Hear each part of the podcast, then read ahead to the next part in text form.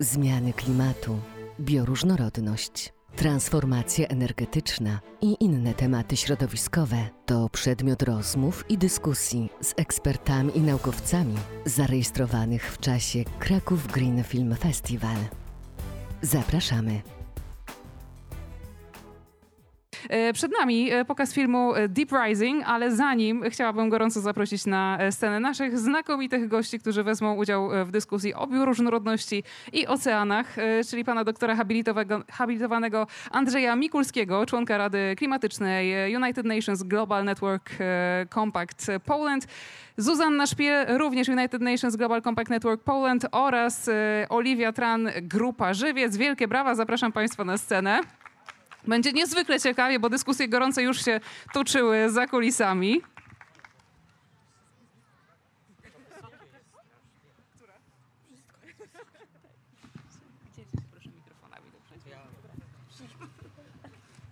Zacznę od takiego dosyć ogólnego pytania do ciebie, Zuza. Dlaczego zachowanie e, bioróżnorodności, o której dzisiaj tak dużo mówimy, jest kluczowe e, dla naszego gatunku?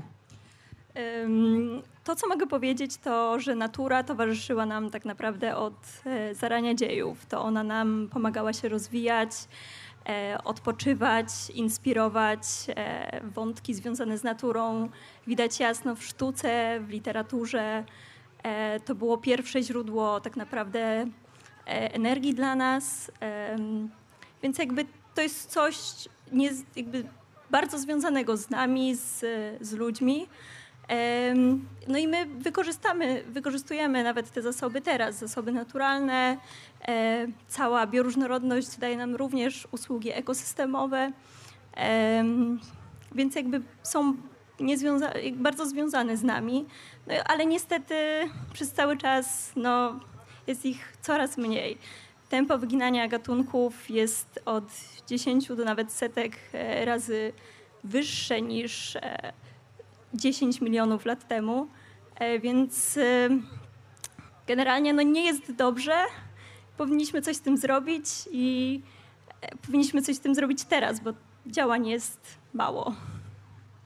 O tych działaniach jeszcze będziemy za parę chwil mówić. A teraz pytanie do pana, panie doktorze, o to, mm, w jaki sposób przez te miliony lat istnienia naszej planety woda, bo ona jest tematem naszej dzisiejszej dyskusji, między innymi oceany, w jaki sposób woda kształtowała życie, bo w ogóle się, mam wrażenie, tym nie, nie, nie zajmujemy, nie zastanawiamy się e, nad tym. Bierzemy za pewnik, że woda jest, ale nie cofamy się e, tak naprawdę e, w historii. Czy to pytanie chyba jest troszkę na czasie, bo gdyby nie ta cysterna z wodą, to dzisiaj byśmy wszyscy wiedzieli, dlaczego woda jest nam niezbędna do życia i nasza lokalna populacja uległaby przetrzebieniu. Znaczy, życie powstało w wodzie, tak? I bardzo długi, długie miliony lat żyło w wodzie i poza wodą niczego nie było. W pewnym momencie wyszło z wody. Yy, W spadku mamy to, że bardzo wiele organizmów na Ziemi rozradza się w wodzie i bez wody nie jest w stanie w ogóle funkcjonować jako populacja.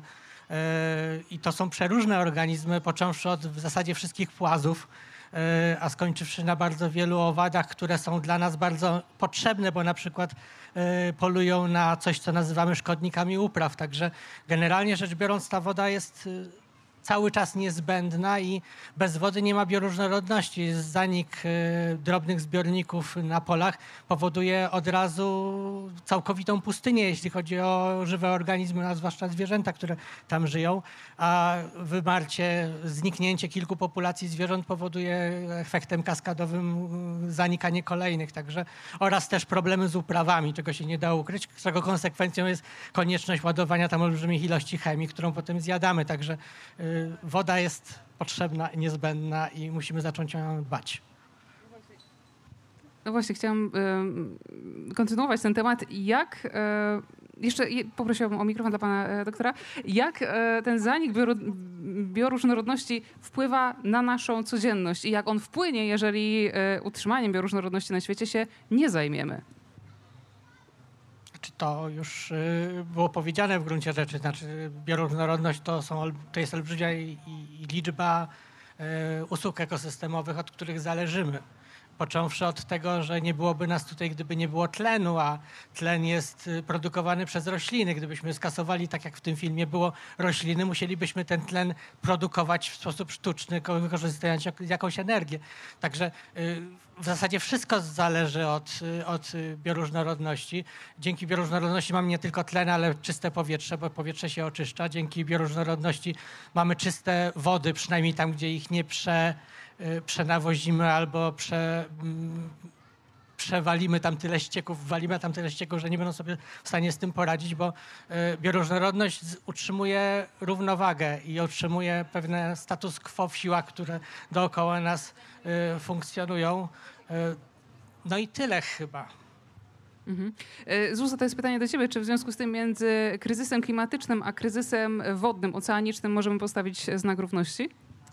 E, Tutaj i tak, i nie. Z jednej strony tak, ponieważ e, jeśli e, dotknie nas kryzys klimatyczny, który już zaczęliśmy odczuwać, wzrośnie em, temperatura oceanów, wzrośnie kwasowość oceanów, będą większe zakwity, również wśród oceanów i wód przybrzeżnych, e, no a tym samym będzie mniej tlenu, więc tak naprawdę różnorodność biologiczna w ekosystemach morskich zmieni się drastycznie, co z tym wiąże się to, że bardzo dużo e, ludzi, który, którzy utrzymują się z, z rolnictwa morskiego, e, czy pozyskują białko z oceanów, po prostu no, straci ten dostęp do tych zasobów, więc e, no, odczuje to w znacznym stopniu, a najbardziej tak naprawdę odczuje to globalne południe i mieszkańcy globalnego południa, bo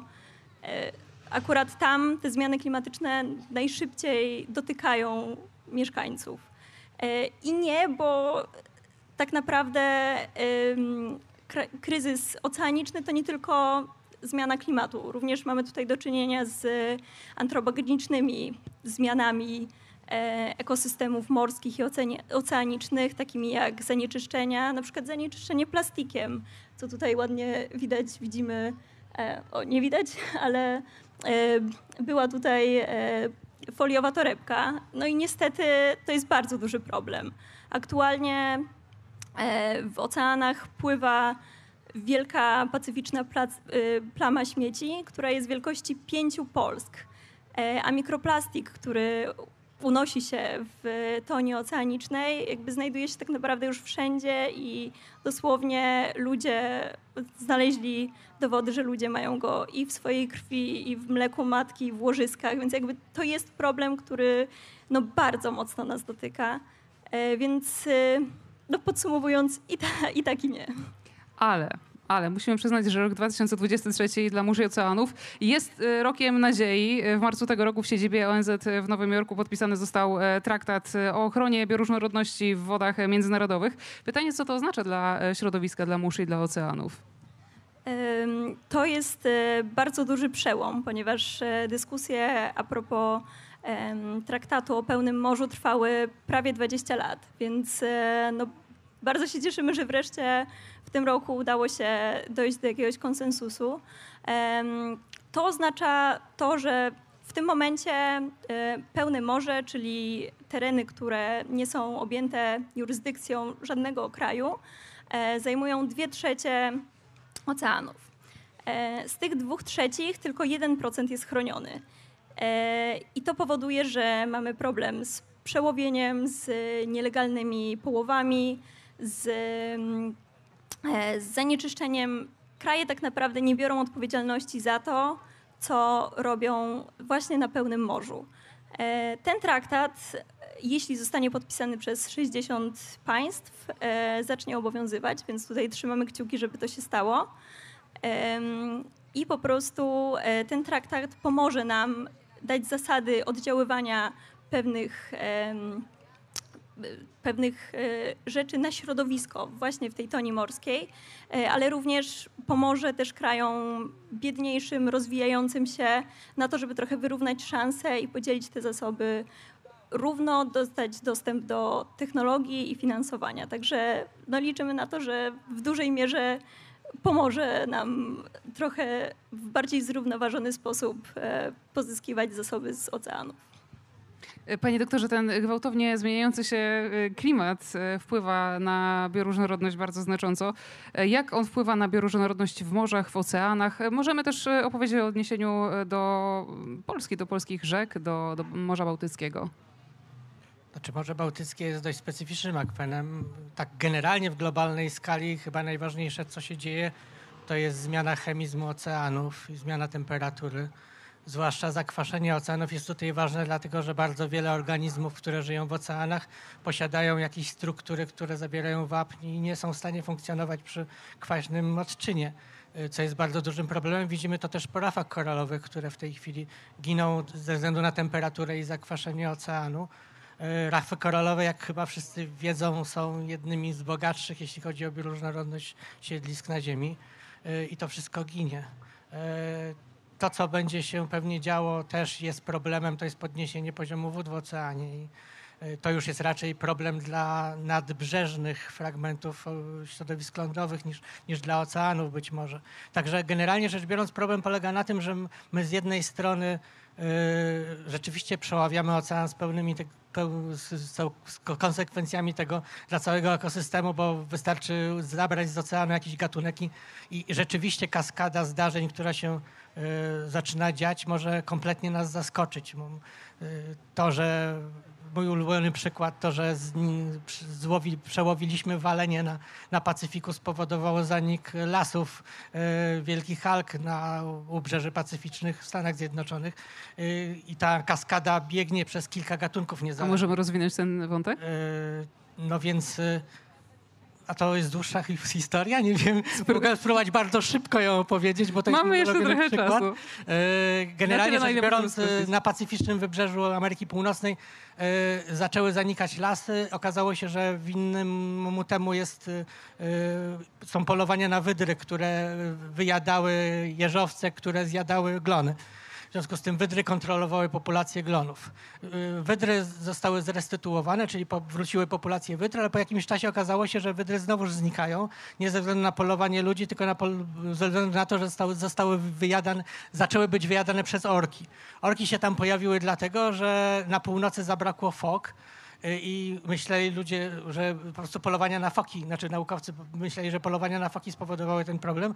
Natomiast okazuje się, że y, orki stadnie polowały na walenie i z przesunięciem w czasie brak waleni spowodował, że orki przerzuciły się na foki, a potem wspólnie z człowiekiem wykończyły foki, musiały się przenieść niżej na południe, y, wyjadają wydry i lasy giną. E, dlatego że pojawiły się jeżowce. Także generalnie rzecz biorąc, te kaskady e, są tak skomplikowane, że my nie jesteśmy w stanie ich przewidzieć. Jesteśmy dopiero jesteśmy w stanie po fakcie e, próbować rozwikływać zagadkę, dlaczego coś ginie, coś znika, chociaż nic w zasadzie na miejscu się specjalnego nie dzieje. I, I, to jest chyba największy problem, jeśli chodzi o ekosystemy, zwłaszcza oceaniczne, bo tam te zależności sięgają tysięcy kilometrów. Y, w przestrzeni. Także coś, co się wydarzy 5 kilometrów stąd, może mieć znaczenie bardzo gruntowne dla tego, co się dzieje tutaj. To w takim razie, które e, ekosystemy, e, nie tylko te oceaniczne, widzę, że pan doktor się szybko pozbywa mikrofonu, które systemy powinny być potraktowane tak priorytetowo, żeby zachować bioróżnorodność? Znaczy tak naprawdę to źle zabrzmi, ale oceany są pustynią. Większość oceanów to są miejsca, które mają bardzo niską produktywność i w zasadzie tam niewiele jest poza widłonogami i glonami planktonowymi. E, trzeba się zabrać za te fragmenty, przede wszystkim chronić te fragmenty, które są bogate, a to są fragmenty, które są najsilniej eksploatowane. Właśnie dlatego są najsilniej eksploatowane, że są bogate. W związku z tym są to fragmenty albo gdzie spływ z lądów, na przykład z dużych rzek jest duży i tam substancje biogenne wpływają, powodując zwiększenie produkcji pierwotnej i całej dalszej, y, albo miejsca, gdzie następuje wypływ wód y, z głębokich wód oceanicznych, tam gdzie jest dużo substancji biogennych. I to też na przykład upwelling y, wybrzeże Ameryki Południowej z kolei. To są miejsca, gdzie, które są żyzne, są dobrymi łowiskami i w gruncie rzeczy, gdyby chcieć prosto odpowiedzieć na to pytanie, no to tam, gdzie były żyzne łowiska, tam trzeba chronić. Po prostu. Zmiany klimatyczne na naszych oczach się, drodzy Państwo, dzieją dzisiaj, chociażby byliśmy tego świadkami. 35 stopni w Krakowie i w większości miejsc w naszym kraju, ale nie o temperaturze dzisiaj. E, niemniej zatrzymanie tych zmian klimatycznych y, w dużej mierze jest w rękach gigantów korporacyjnych, międzynarodowych przedsiębiorstw i z pytaniem o taką zrównoważoną produkcję, zrównoważoną dystrybucję, pytam Oliwię Trans Grupy Żywiec. Powiedz mi, jak to u was wygląda? Ta taka etyczna, zrównoważona produkcja i sprzedaż? No myślę, że my jeszcze nie jesteśmy na takim etapie, żeby powiedzieć, że w 100% e, nasze operacje są zrównoważone, ale na pewno dążymy do tego, żeby faktycznie tak się zadziało. I tutaj przede wszystkim stawiamy nacisk na to, żeby dekarbonizować e, własną produkcję, ale też cały łańcuch wartości, czyli jak my to mówimy, od ziarna do baru. E, I chcemy w tym łańcuchu wartości dotknąć dekarbonizacji na każdym etapie, czyli od, samego, od samej uprawy surowca, czy pobierania surowca takiego jak na przykład woda, o której już tutaj dzisiaj tutaj było powiedziane, aż do samej e, końcowej, końcowego etapu życia produktu, czyli na konsumpcji i na tym konsumencie, który jest też bardzo istotnym elementem łańcucha. E, no i my chcemy zdekarbonizować własną produkcję do 2030 roku. To jest nasz e, taki target, który sobie wyznaczyliśmy. Mnie zaciekawił ten wątek baru i konsumenta. Zakładam, że jakby jesteśmy w Polsce, jest przed 22, więc może nie będę mówiła, ale jakby u nas Lubimy spędzać czas w barach. Nie wierzę jednak, że wszystko się sprzedaje. Co się dzieje z tym produktem, który e, wyprodukujecie? Trafi do sklepów, do barów, ale ostatecznie nie do konsumenta. Co się z nim dzieje? Czy wy go jakoś wtórnie wykorzystujecie? E, my staramy się e, za wszelką cenę tak naprawdę zamykać obiegi materiałowe, nawet właśnie w sytuacji tak zwanego produktu końcowego, który finalnie powiedzmy marnuje się w jakimś tam stopniu, dlatego że nie trafia do tej konsumpcji e, końcowej. Nie mamy zbyt dużo wpływu na to, jak to wygląda w tym punkcie sprzedaży, w sklepie, w barze, czy gdziekolwiek to piwo już trafi e, po dystrybucji. Natomiast w naszych browarach też to się zdarza, że faktycznie mamy jakieś nadwyżki produkcyjne.